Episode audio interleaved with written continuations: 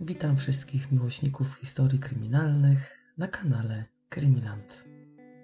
Standardowo witam nowych subskrybentów i dziękuję za Wasze komentarze. Zapraszam serdecznie na kolejny odcinek z serii Historie kryminalne z niemieckich landów.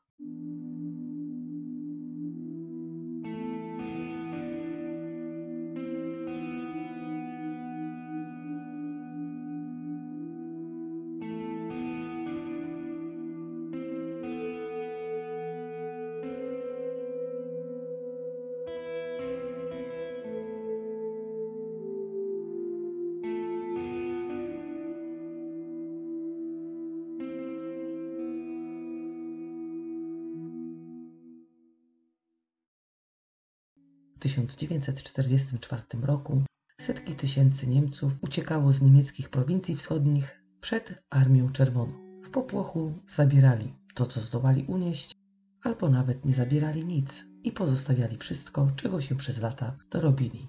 Wielu z nich uważało, że wrócą do swych domów, że wojna się skończy, i będą mogli znów mieszkać tam, gdzie się urodzili, w swoich domach, wśród swoich sąsiadów, z którymi być może nie zawsze żyli w dobrych stosunkach, ale jednak lepszy swój sąsiad niż obcy.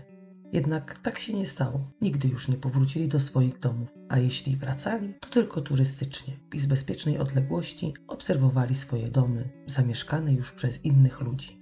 Podobnie było z Heinzem Briga który wraz z rodziną w styczniu 1944 roku w pośpiechu opuścił swój dom i uciekał w przerażeniu. Gdzieś tam podczas tej ucieczki Heinz poznaje Hildegard, która również wraz z rodziną uciekała ze Śląska. Połączyło ich nie tylko wzajemne zrozumienie i dzielenie wspólnego losu, ale również miłość. Kiedy dotarli już do Niemiec, do swojej ojczyzny, bo przecież byli Niemcami, nie zostali przez swoich rodaków przyjęci dobrze. Dla nich byli uchodźcami, uciekinierami, obcymi, Polakami, Rosjaninami albo nawet Cyganami, czyli kimś, kogo nie wita się z otwartymi ramionami. Wielu z tych uciekinierów zostało osiedlonych w obozach, w których wcześniej mieszkali przymusowi robotnicy. Byli też tacy, których zakwaterowano w prywatnych gospodarstwach domowych lub gospodarstwach rolnych. Zasiedlani byli oczywiście na polecenie władz. Nic nie dał tu opór, czy też walka właścicieli, którzy nie chcieli obcych u siebie. Często zdarzało się też tak, że żołnierze musieli chwytać za broń, żeby pomóc przesiedleńcom znaleźć schronienie. Tu nie chodziło już tylko o ten kawałek pokoju, który taki gospodarz musiał użyczyć swoim rodakom, ale na tę całą nienawiść i niechęć zbierało się wiele czynników. Były problemy z wyżywieniem. Kiedy dzieci tych przesiedlonych Niemców podnosiły jakieś poobijane jabłko, które leżało na drodze, wówczas właściciel tego jabłka bił na oślep jednego z rodziców dziecka lub jednego z dziadków. Kiedy cała złość została wyładowana, wówczas dziecku było to jabłko odbierane.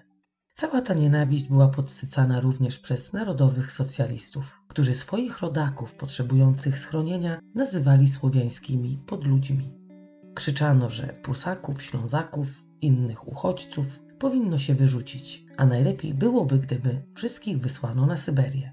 Narodowi socjaliści podsycali tę nienawiść szczególnie na wsiach wśród rolników. Chcieli, żeby rolnicy walczyli, żeby nie zgadzali się na wpychanie im na chama jakichś obcych pod ich dach. To nawoływanie oczywiście skutkowało i często dochodziło do agresywnych zachowań. Heinz i Hildegard, jako obcy i niechciani, osiedlają się najpierw w Essen, tam mężczyzna pracuje jako brygadzista w kopalni. Po jakimś czasie kopalnie zostają zamknięte i Heinz próbuje szukać pracy w innym miejscu w Niemczech. Wiadomo, nie przychodzi mu to łatwo, ponieważ jest obcy i nie każdy chce go jako pracownika. Po jakimś czasie dostaje jednak pracę w firmie budowlanej w Lusheim, w najbardziej wysuniętym na południowy zachód zakątku nadrenii północnej Westfalii, prawie przy granicy z Belgią.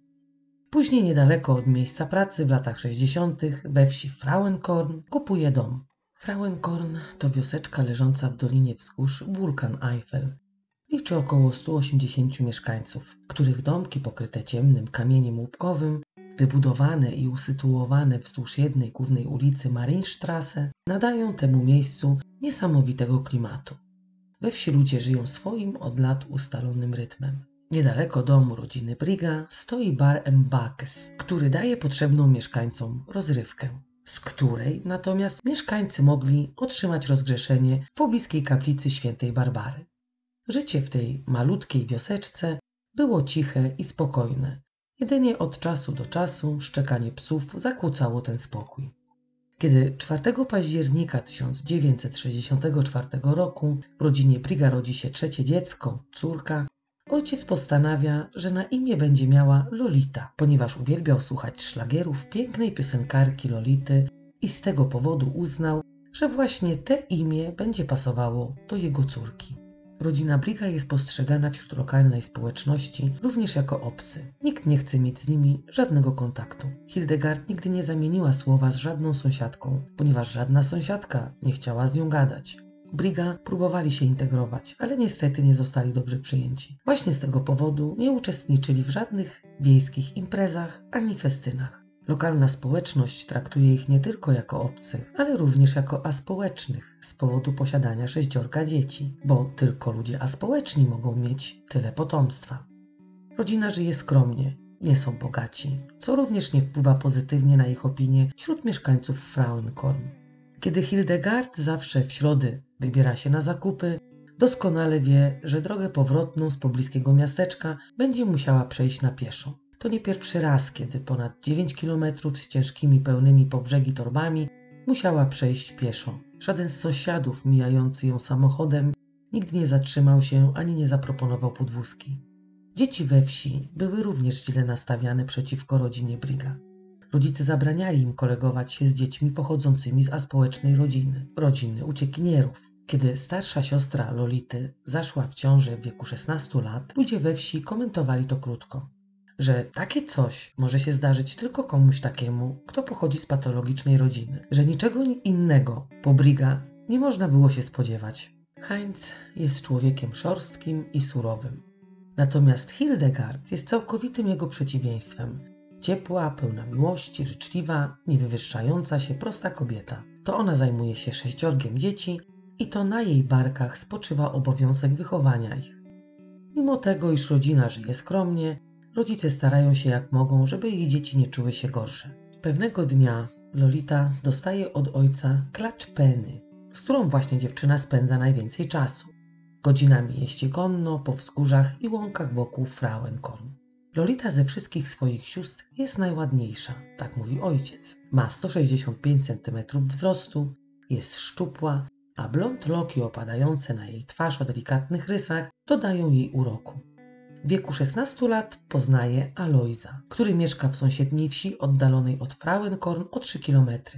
Znajomość z chłopakiem przeradza się w młodzieńczą miłość. Kiedy ojciec dziewczyny dowiaduje się o tym, że ta ma chłopaka, wpada w panikę. Nie chce, żeby następna córka zaszła w ciążę w tak młodym wieku. Nie chce również, żeby sąsiedzi gadali, bo już i tak gadają, więc po co dostarczać im jeszcze większych powodów do plotek. Uważa, że Lolita jest za młoda, i że chłopak może ją wykorzystać i zniszczyć jej życie. Często z tego powodu w domu między córką a ojcem dochodzi do dość ostrych kłótni. Jednak Lolita nie ulega, wytrzymuje napady wściekłości ojca. Jego gniew nie jest w stanie jej złamać. Nadal jest dziewczyną Alojza, mimo sprzeciwu ojca. Doskonale wiemy, jak bywa z pierwszymi miłościami. W większości przypadków dość szybko się te młodzieńcze związki rozpadają. Podobnie jest z Alojzem i Lolitą. Po dwóch latach, w 1981 roku, ku uciesze ojca, bez podania przyczyny i wyjaśnień, dziewczyna zrywa z chłopakiem. Jakiś czas później córka Heinza poznaje dwudziestoletniego Józefa Kleina, którego wszyscy we wsi nazywają Jupi. Józef jest synem bogatego mleczarza, właściciela farmy usytuowanej na wzgórzu wznoszącym się nad Frauenkorn. Chłopak nie ma zbyt wielu przyjaciół. Jest postrzegany we wsi również jako obcy jednak nie jako aspołeczny uciekinier. Ufał jedynie Michaelowi, który był prostym człowiekiem i pracował przeważnie jako pomocnik na różnych farmach. Chłopak wielokrotnie próbował zaskarbić sobie sympatię młodzieży żyjącej we wsi. Starał się im zaimponować. Pokazywał im swój mały i lekki motocykl Kreidla Foil, który był o wiele szybszy od motorowerów jego kolegów. Przyjeżdżał Mercedesem ojca, również w celu zwrócenia na siebie uwagi i zaskarbienia sobie sympatii innych. Później już przechwalał się swoim własnym golfem. Jednak te wszystkie dodatki nie przybliżyły go do grupy młodych ludzi. Józef był dla nich po prostu nudziarzem, kimś, kto za dużo się przechwala, no i oczywiście był obcy. A obcych we wsi przecież nikt nie lubi i nikt nie akceptuje. Lolitę i Józefa łączy bardzo dużo. Uwielbiali wspólnie słuchać smoki i często wspólnie jeździli nad jezioro i na targ do pobliskiego miasteczka. Lolita nie potrzebuje już klaczy Penny, tak jak kiedyś. Teraz ma swojego Józefa, którego pieszczotliwie nazywa małym chłopcem. To właśnie dla Józefa nauczyła się jeździć traktorem, po to, żeby mogła pomóc mu w pracy na farmie. Rodzice Lolity i Józefa nie są zadowoleni z tego, że ta dwójka młodych ludzi postanowiła być razem. Heinz nie darzy sympatią rodziny chłopaka. Zna starego Kleina i uważa, że jest on nieobliczalnym człowiekiem. Mężczyzna ciągle powtarza Lolicie, że ta rodzina, czyli rodzina jej ukochanego małego chłopca, nigdy jej nie zaakceptuje, że dla nich zawsze będzie kimś, kto wywodzi się z biedoty, kimś obcym, uchodźcą i ogólnie zarazą, której nie powinno wpuszczać się za próg domostwa. Ojciec Józefa był najbogatszym rolnikiem w okolicy. Miał oborę pełną krów i talent do hodowania byków. Jego byki były bardzo pożądane przez okolicznych rolników, którzy byli gotowi zapłacić za jednego byka więcej niż 30 tysięcy marek. Stary Klein posiada ponad 100 akrów ziemi i całym jego życiem jest rolnictwo. Nie rozumie syna, nie wie co on widzi w tej biednej uciekinierce pochodzącej z aspołecznej rodziny. Nie akceptuje wyboru Józefa. Jest gotowy przepędzić dziewczynę, gdzie pieprz rośnie. Chłopak najpierw próbuje przemówić ojcu do rozumu. Później zaczyna się stawiać. Ojciec jednak walczy na wszystkie możliwe sposoby. Uważa, że jeśli po dobroci jego syn nie jest w stanie zrozumieć, kogo chce wprowadzić pod dach ich domu, to trzeba zrobić to siłą i wybić mu z głowy te głupie miłostki. Józef nie zwraca uwagi na ojca. Chce każdą wolną chwilę spędzać z ukochaną. Dlatego, kiedy tylko ma jakąś robotę na farmie, ta mu chętnie pomaga. Klein za każdym razem przegania z farmy Lolitę, używając przy tym przeróżnych wyzwisk. W końcu stary Klein oznajmia synowi, że jeśli ten nie porzuci tej uciekinierki, to zostanie wydziedziczony. Młodzi, zakochani ludzie od tego momentu spotykają się potajemnie w lasku za farmą. No ale we wsi nic się nie ukryje. Wszyscy o tym wiedzą i oczywiście gadają głośno, jak młody Jupi chodzi na schadzki do zagajnika. Kobiety ze wsi uważały, że nic dobrego z tego nie będzie, bo stary kraj nie odpuści. Po jakimś czasie Lolita jest już na językach wszystkich mieszkańców Frauenkorn. Konflikty z tego powodu nabierają na sile. Stary Klein nie odpuszcza, a Józef już sam nie wie, co powinien zrobić. Nie jest na tyle silny, żeby postawić się ojcu. Poza tym ciągle, od kiedy pamięta, powtarzano mu, że to właśnie na jego barkach spoczywa przejęcie farmy po rodzicach. Józef nie był jedynakiem. Miał starszego brata. Jednak ten brat wyjechał do miasta, ale posiadał też siostrę. Tylko kobieta nie była dobrym wyborem na kogoś, kto mógłby prowadzić gospodarstwo. Dlatego to Józef miał być tym, który będzie dziedziczył po rodzicach ich majątek. Chłopak jest między młotem a kowadłem. Kocha Lolitę, ale też boi się ojca. Zawsze czuł przed nim paniczny strach. Nie chce stracić życzliwości ojca. Chce, żeby ten go akceptował. Akceptował przede wszystkim jego wybory i chce również być z Lolitą. Józef powiedział rodzicom dziewczyny, uderzając pięścią w stół, że chce wziąć z nią ślub i jest świadomy tego, że jego życie i przeszłość przewróci się do góry nogami. Ale mimo to Lolita zostanie jego żoną. Jednak już wtedy po wyjściu od Lolity zajeżdżał do Angeliki, której rodzice również mieli farmę. I choć nie byli tak bogaci jak Kleinowie, to posiadali lepszy status we wsi niż Briga. Był pewny, że Angelika będzie przez ojca akceptowana, ponieważ mogła wnieść posag w postaci trzody i ziemi. Tym zyskałby oczywiście jego przychylność.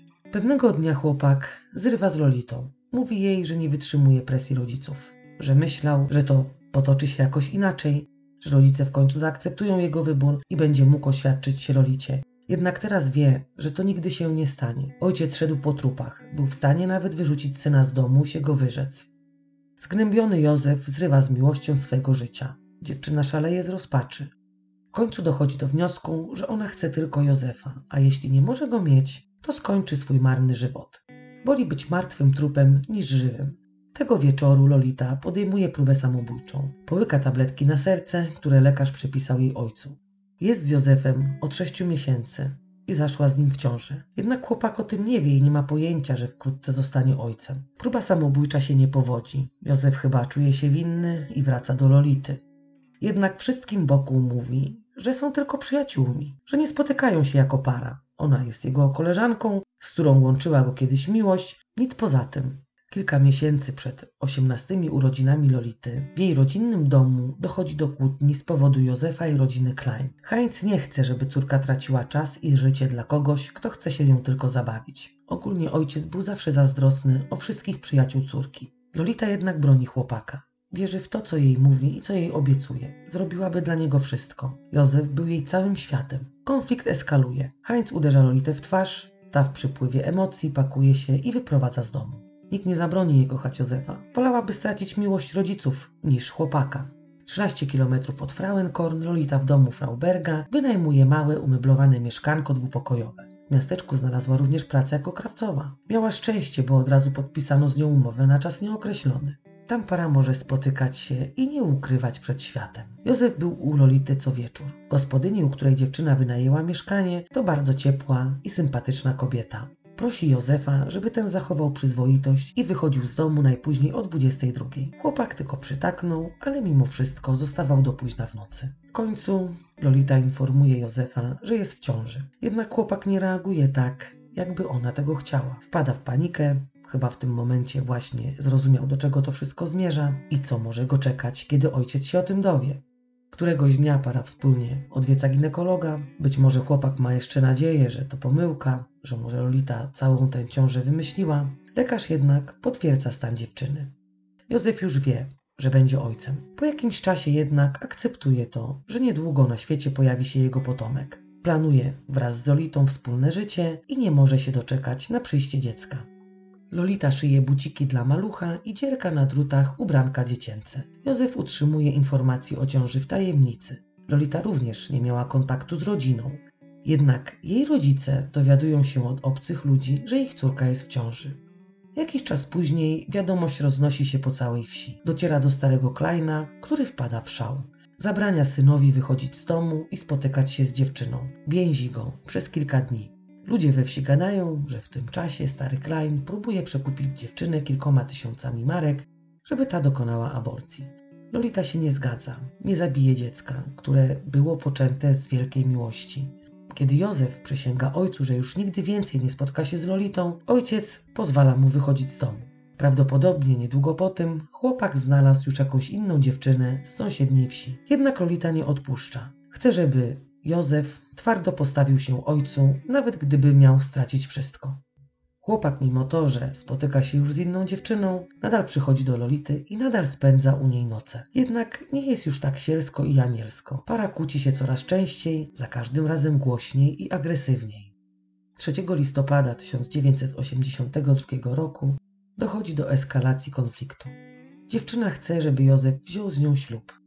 Ten jednak jej propozycję przyjął bez entuzjazmu i odmawia. Chce zerwać z Lolitą i nie chce ciągnąć tego dalej. Próbuje przekonać dziewczynę, żeby jednak usunęła ciążę. Ta nie chce się na to zgodzić. Nie chce w ogóle o tym słyszeć. Para wrzeszczy na siebie tak bardzo, że frau Berga prosi ich, by w końcu ucichli, ponieważ wstydzi się sąsiadów. Lolita siedzi na łóżku i zanosi się płaczem, a Józef stoi obok. Nie rusza go już jej płacz, nie reaguje, nie odzywa się. Później również bez słowa wychodzi. 6 listopada 1982 roku frau Berga dzwoni do matki dziewczyny i pyta, czy ta nie jest w domu rodzinnym, ponieważ od dwóch dni nie pojawiła się w mieszkaniu, które wynajmuje. I od dwóch dni Lolity również nie było w pracy. Matka dziewczyny z początku nie bierze na poważnie tej informacji. Uważa, że Lolita pewnie jest u jednej z koleżanek, że wróci. Ogólnie przez myśli jej nie przeszło, żeby Lolicie mogło się cokolwiek stać. Jednak następnego dnia wysyła jedną z sióstr dziewczyny do domu Frauberga, żeby sprawdziła, czy Lolita zostawiła jakąś wiadomość, list, cokolwiek. Siostra w wynajmowanym mieszkaniu Lolity w szufladzie znajduje list, w którym dziewczyna między innymi pisze Przykro mi, ale zabolało mnie bardzo to, co wczoraj powiedziałeś. Musisz mi wybaczyć, ale wmówiłam sobie, że będziesz mnie kochał tak samo, jak ja kocham ciebie. Wszystkie twoje zmartwienia się skończą, kiedy umrę. Życzę ci więc powodzenia w rozpoczęciu na nowo życia. Ale nie zapomnij nigdy o mnie i swoim dziecku. Kocham cię. Pozdrawia cię twój ostatni kawałek brudu. 9 listopada 1982 roku, około godziny 23.15, matka zgłasza zaginięcie córki. Jest teraz dość mocno zaniepokojona. Żałuje, że początkowo zlekceważyła informację od Trauberga. Mogła zgłosić zaginięcie córki od razu. Funkcjonariusz, który przyjmuje zgłoszenie zaginięcia, zanotował. Pani Briga powiedziała, że nie można wykluczyć zamiarów samobójczych. Lolita Briga ma 165 cm wzrostu, szczupła, blond włosy do ramion. 11 listopada wraz ze Strażą Pożarną Frauenkorn, wiejską młodzieżą i innymi ochotnikami rozpoczynają się poszukiwania dziewczyny. Przeczesują łąki, lasy, kamieniołomy i strumienie. Po południu dzwoni na policję kierowca autobusu i mówi, że widział Lolitę 8 listopada, cztery dni po jej rzekomym zaginięciu niedaleko farmy Józefa. Z powodu tego oświadczenia poszukiwania dziewczyny zostają wstrzymane. Jeden z policjantów powiedział wówczas matce: Przecież ona ma 18 lat, jest pełnoletnia i może robić co chce i przebywać gdzie chce.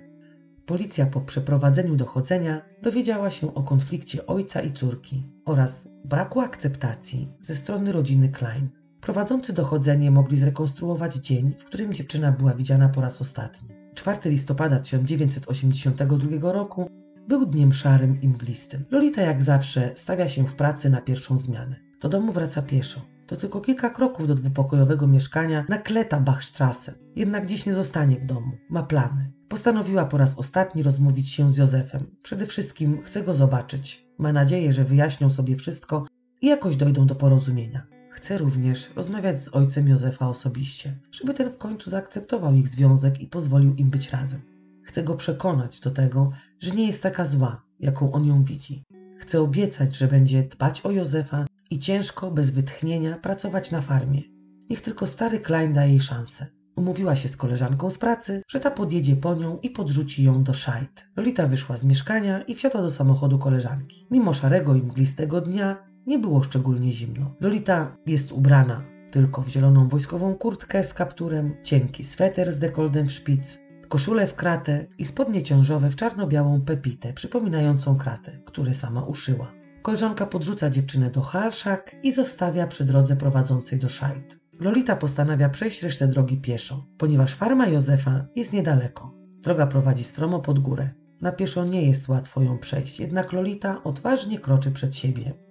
Okolica jest jej bardzo dobrze znana. Wioska Szajt nie ma wielu domów, których dziewczyna by nie znała. Poza tym mieszka tu tylko stu mieszkańców. Farma Józefa stoi na uboczu, z dala od ludzi.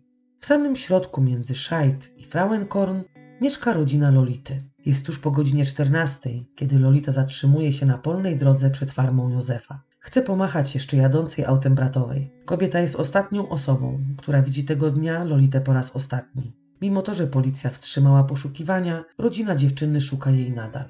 Ojciec ilekroć nie może spać i przypomina sobie jakieś miejsc, które mogło zostać pominięte w trakcie poszukiwań, wstaje, bierze latarkę i idzie szukać córki.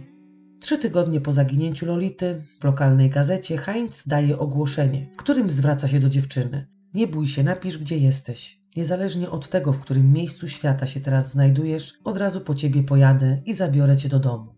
Każdego wieczoru Hildegard żarliwie modli się o powrót córki do domu. Błaga Wszechmogącego, żeby ten szczęśliwie sprowadził jej dziecko. Kiedy modlitwy nie pomagają, jedzie wraz z mężem do Belgii. Tam mieszka wróżka, która powiedziała, że z Lolitą jest wszystko w porządku. Rodzice nie muszą się martwić. Dziewczyna wróci do domu na Boże Narodzenie. Nadeszło Boże Narodzenie, jednak Lolita według zapowiedzi wróżki nie wraca. Później kolejne, następne, i tak rok po roku. A Lolity jak nie było, tak nie ma. Rodzice tracą wiarę w wróżki, ale nie tracą nadziei. To właśnie ona trzyma ich przy życiu.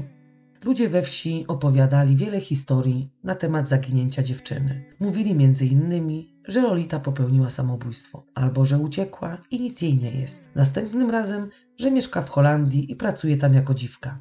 Byli tacy, którzy widzieli Lolitę i zgłaszali swoje spostrzeżenia na policję. Kobieta z Oistkirchen była na 100% przekonana, że widziała Lolitę kupującą orzeszki pieprzowe w jednym ze sklepów. Inny zgłaszający powiedział, że dziewczyna pracuje w jednej ze szwalni w Kerpen. Rodzice natychmiast tam pojechali i spędzili w mieście trzy dni, chodząc od szwalni do szwalni i pytając o Lolitę. Zimą 1983 roku na cmentarzu w pobliżu Stadtken zostaje znaleziony klucz do mieszkania, które Lolita wynajmowała. Na bryloczku przymocowanym do klucza jest zdjęcie Józefa. Pewnego dnia młoda kobieta z wioski mówi matce Lolity, że miś przyjaciel Józefa, ten, który go nigdy nie odrzucił, oznajmił, że z Lolitą jest wszystko ok, że on wie, gdzie ona teraz mieszka. Kiedy policja wezwała go na przesłuchanie, mężczyzna wyparł się wszystkiego. Mijały tygodnie, miesiące i lata.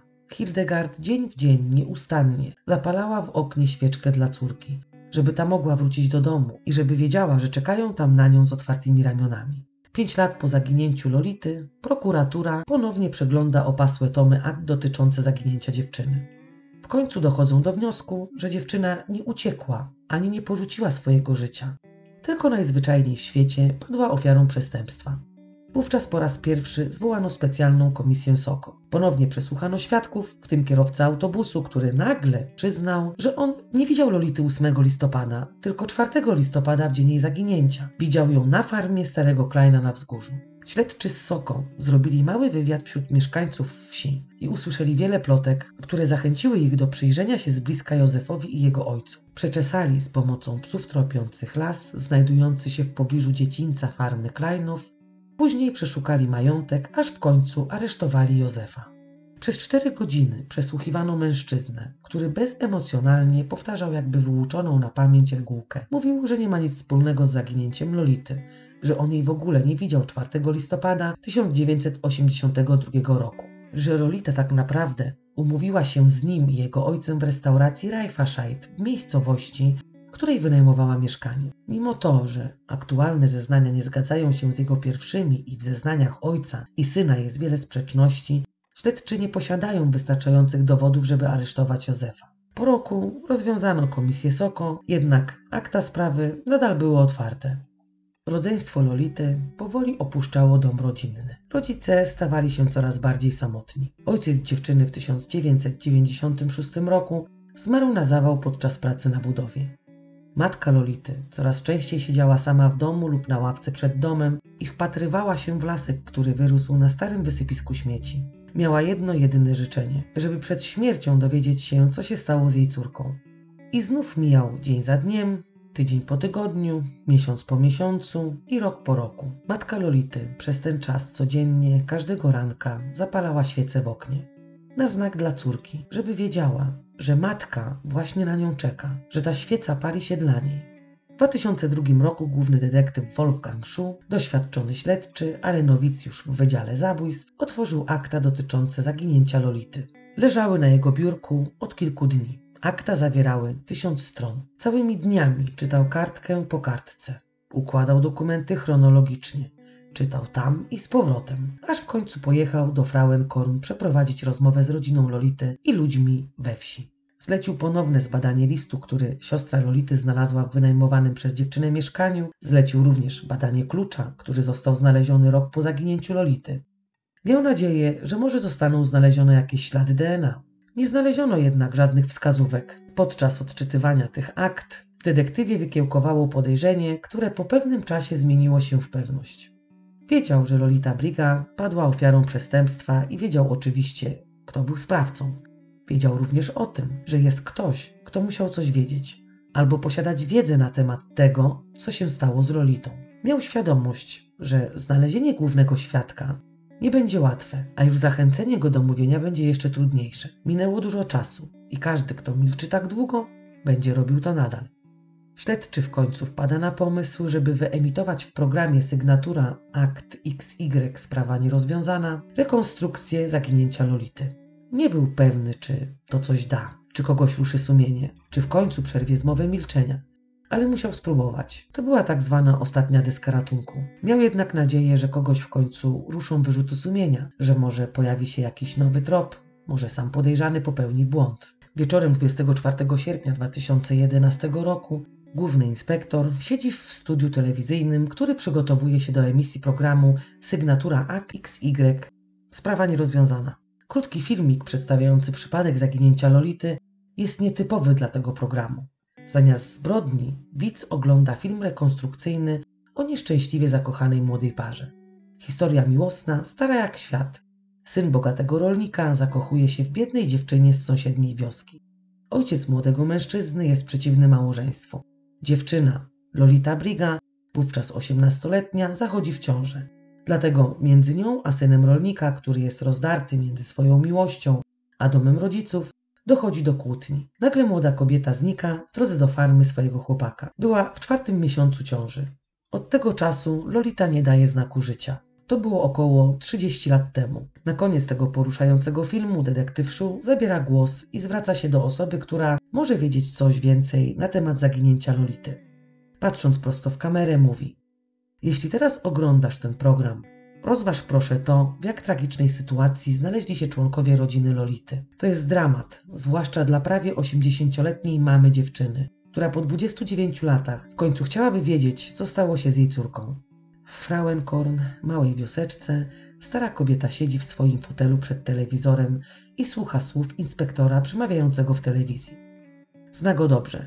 Wciąż pamięta, kiedy pierwszy raz siedział przy jej kuchennym stole i pytał o Lolitę. Dobrze pamięta jego miły głos wzbudzający zaufanie. Jego krucze włosy najbardziej utkwiły Hildegard w pamięci. Teraz inspektor jest już siwy. Głos pozostał ten sam, a jego słowa skierowane do potencjalnego świadka i sprawcy wywołują dreszcze. Jej córka, która wraz z nią ogląda program, ma nadzieję, że tym razem go dopadną. Nie mówi kogo, ponieważ obie kobiety wiedzą doskonale o kogo chodzi.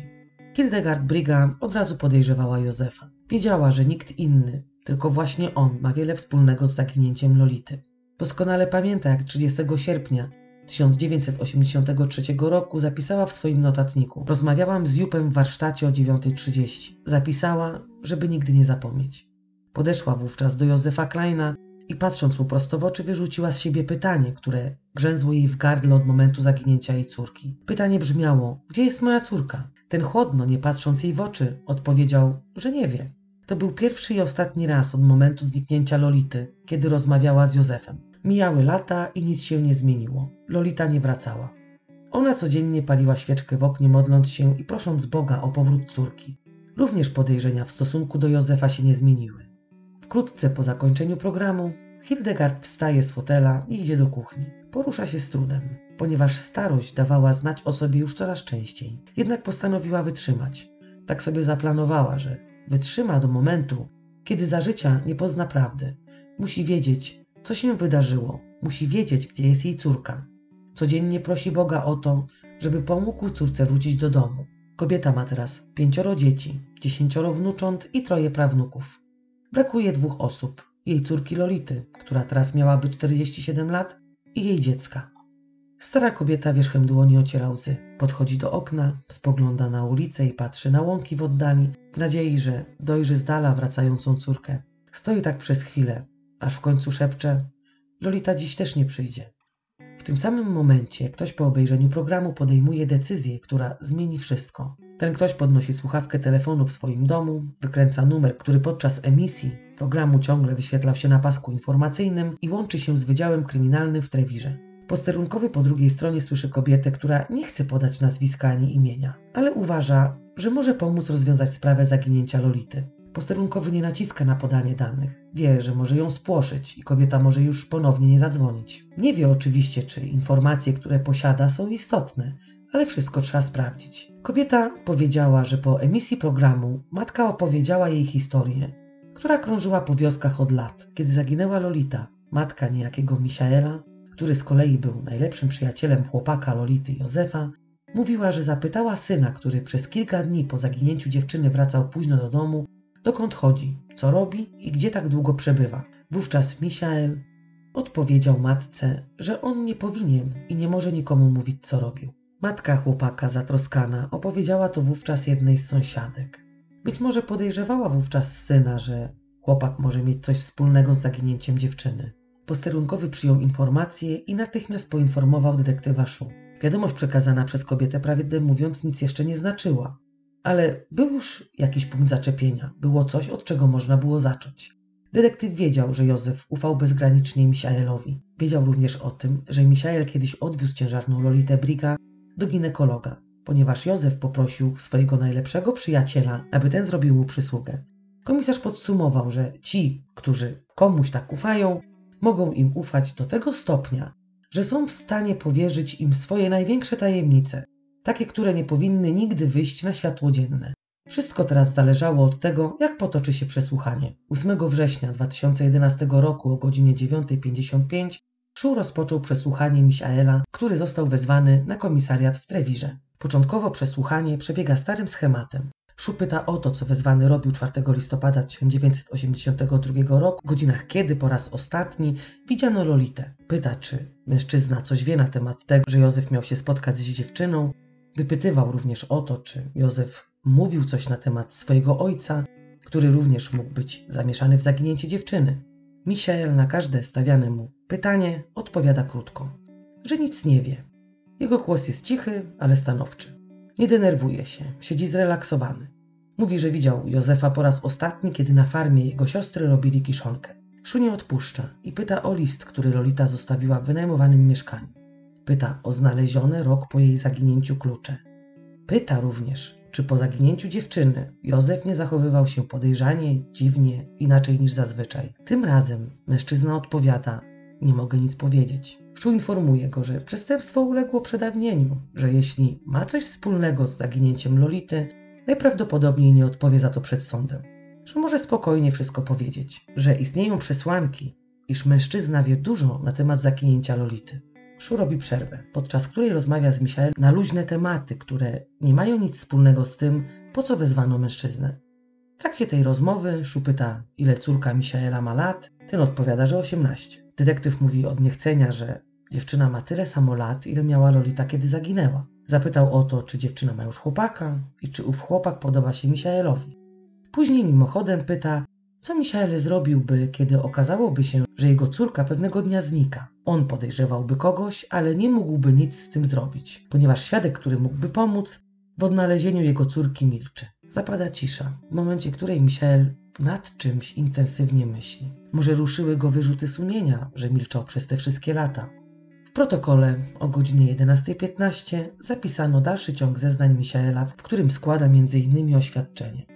Józef przyszedł do mnie pewnego ranka i powiedział, że zabił Lolitę Briga. Nie mam pojęcia, w jaki sposób ją zabił. Później, nie wiedząc dlaczego, pomogłem mu pozbyć się zwłok dziewczyny. Dziewczyna leży na wysypisku śmieci Frauenkolb. Zakopaliśmy ją tam. Na pytanie, skąd przenieśli ciało, odpowiada, że w tamtych latach na polach znajdujących się w kierunku Losheim stała rolnicza drewutnia i to właśnie w tej drewutni leżały zwłoki Lolity. Ciało mężczyźni przenieśli, kiedy zapadł zmrok, między godziną 20 a 21. Szu nie bardzo wierzy w to, że mężczyzna nie zapytał Józefa, w jaki sposób zabił dziewczynę. Drąży temat. W końcu Michael mówi, że Józef powiedział mu, że udusił Lolitę. Miejsce, w którym zostało zakopane ciało, jest teraz porośnięte drzewami i krzakami. Michael nie pamięta dokładnie, w którym miejscu zostały zakopane zwłoki. Na drugi dzień po przesłuchaniu mężczyzny aresztują Józefa Kleina, a cztery tygodnie później rozpoczęto prowadzenie wykopalisk celu znalezienia ciała Lolity. Poszukiwanie Lolity trwało 11 dni. Przekopano 600 metrów kwadratowych i wkopano się 6 metrów w głąb ziemi. Znaleziono szczątki zwierząt, stare opony samochodowe i wiele innych nie wnoszących do sprawy rzeczy. Detektyw towarzyszył poszukującym każdego dnia. Nie opuścił ani minuty z poszukiwań. Powoli sam tracił już nadzieję i momentami myślał, że Michael skłamał. Jednak 11 dnia do detektywa stojącego i prowadzącego rozmowę telefoniczną z prokuratorem, który się już bardzo zresztą niecierpliwił, podbiega mężczyzna uczestniczący w wykopaliskach i każe detektywowi szybko udać się na miejsce, w którym coś znaleziono. Szu podchodzi do jasnozielonego plastikowego worka przywiązanego drutem. Przez szparę ciągnącą się przez całą długość widzi kawałek samodzielnie uszytych spodni ciążowych, z rozpoznawalnym wzorem czarno-białej pepity, okalającej kość piszczelową. Skarpetki i buty w stanie nienaruszonym cały czas tkwiły na stopie. Cienki sweter w szpic został naciągnięty na głowę dziewczyny, a na ramionach wciąż tkwi wojskowa kurtka. Kawałki drutu okalające szyję tworzą pętle. Naciągnięty sweter na to, co zostało z jej głowy, świadczy o tym, że prawdopodobnie Józef nie mógł znieść widoku dziewczyny po tym, jak udusił ją drutem. Dlatego naciągnął jej na głowę sweter. Niestety medycyna sądowa ani technicy kryminalistyczni nie mieli tu dużo do zrobienia. Jednak zanim Szu wezwie wszystkich fachowców, musi zrobić coś, co było akurat w tym momencie najważniejsze. Wyciąga telefon z kieszeni i wybiera dobrze mu już znany numer telefonu. Po chwili po drugiej stronie odzywa się starsza siostra Lolity Petra. Szu informuje ją, że odnaleziono jej siostrę. Dodaje, że w kieszeni jej wojskowej kurtki znaleźli resztki portfela, bilet federalnych linii kolejowych ważny do lutego 1983 roku i nici. Petra Szlocha odkłada słuchawkę i kieruje się do salonu, w którym matka ogląda telewizję. Kobieta nie zdążyła przejść progu pokoju, kiedy matka, niby to pytając, niby oznajmiając, mówi: Czy chcesz mi powiedzieć, że w końcu ją znaleziono? Lolita tak naprawdę nigdy nie była daleko. Wystarczyło wyjść za drzwi z jej rodzinnego domu, przejść obok domu pastora, skręcić w prawo, następnie przejść 647 kroków i dojść do małego drzewka, które rosło na starym wysypisku śmieci i na które Hildegard, siadając przed domem na ławce, często patrzyła. Józef również każdego ranka, kiedy wyglądał przez okno swojej sypialni, widział wysypisko, na którym zakopał Lolitę. Codziennie przejeżdżał obok domu jej matki. Drugiego dnia rozprawy Hildegard Priga siedzi na ławie dla świadków. Założyła najlepszą sukienkę, żeby Lolita się za nią nie wstydziła. Czekała prawie 30 lat na ten moment, aż zobaczy w końcu na ławie oskarżonych mężczyznę, który zabrał jej córkę. Chciała mu splunąć w twarz, ale nie ośmieliła się tego zrobić. Kiedy zostaje wywołana przez sąd, podchodzi niepewnie do mównicy i opowiada, jak przybyła do Frauenkorn pod koniec lat 60. Mówi o tym, jak ją i jej rodzinę traktują ludzie we wsi. Byli zawsze dla nich obcymi, uchodźcami, uciekinierami, kimś aspołecznym, bo rodzina była wielodzietna. Sędzia zadawał pytanie za pytaniem. Kobieta musiała opowiedzieć o mężu i sprostować pogłoski o tym, że był agresywny w stosunku do dzieci. Heinz tak naprawdę nigdy nie uderzył żadnego z nich.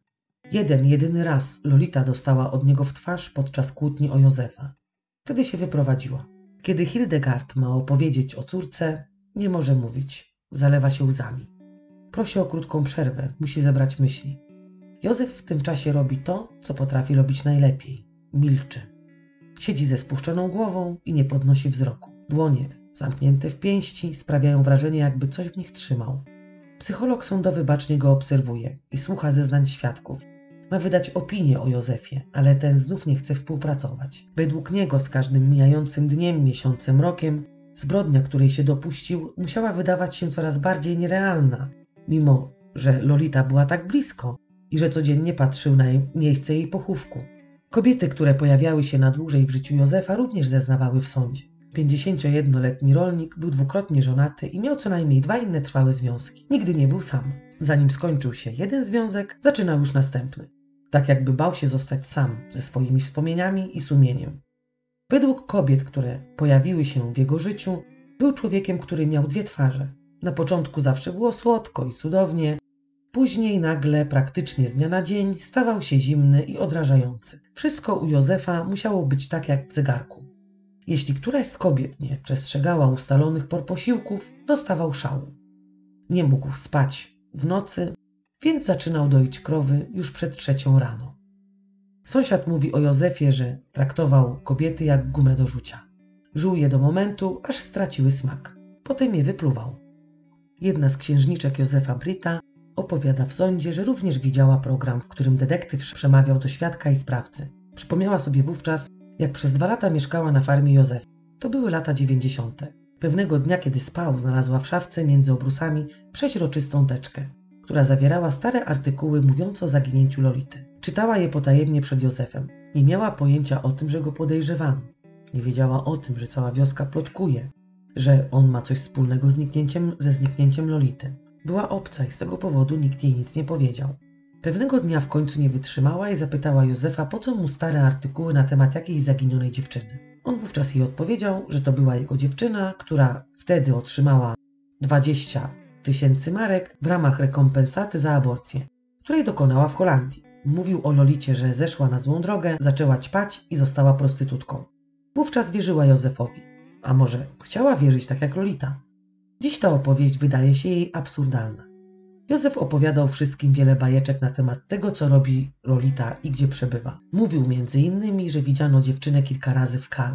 Nie mówił o niej ona, ani nie wymawiał jej imienia. Nazywał ją to, to coś albo kobieta. Opowiadał, że Kurt, mieszkaniec Frauenkorn, również widział na przejściu dla pieszych w Langen to coś, kobietę, sześć miesięcy po tym, jak zniknęła. Jakiś tam inny sąsiad również mu powiedział, że tego samego wieczoru po przeszukaniu farmy Józefa widział to coś w budce telefonicznej w Halszak.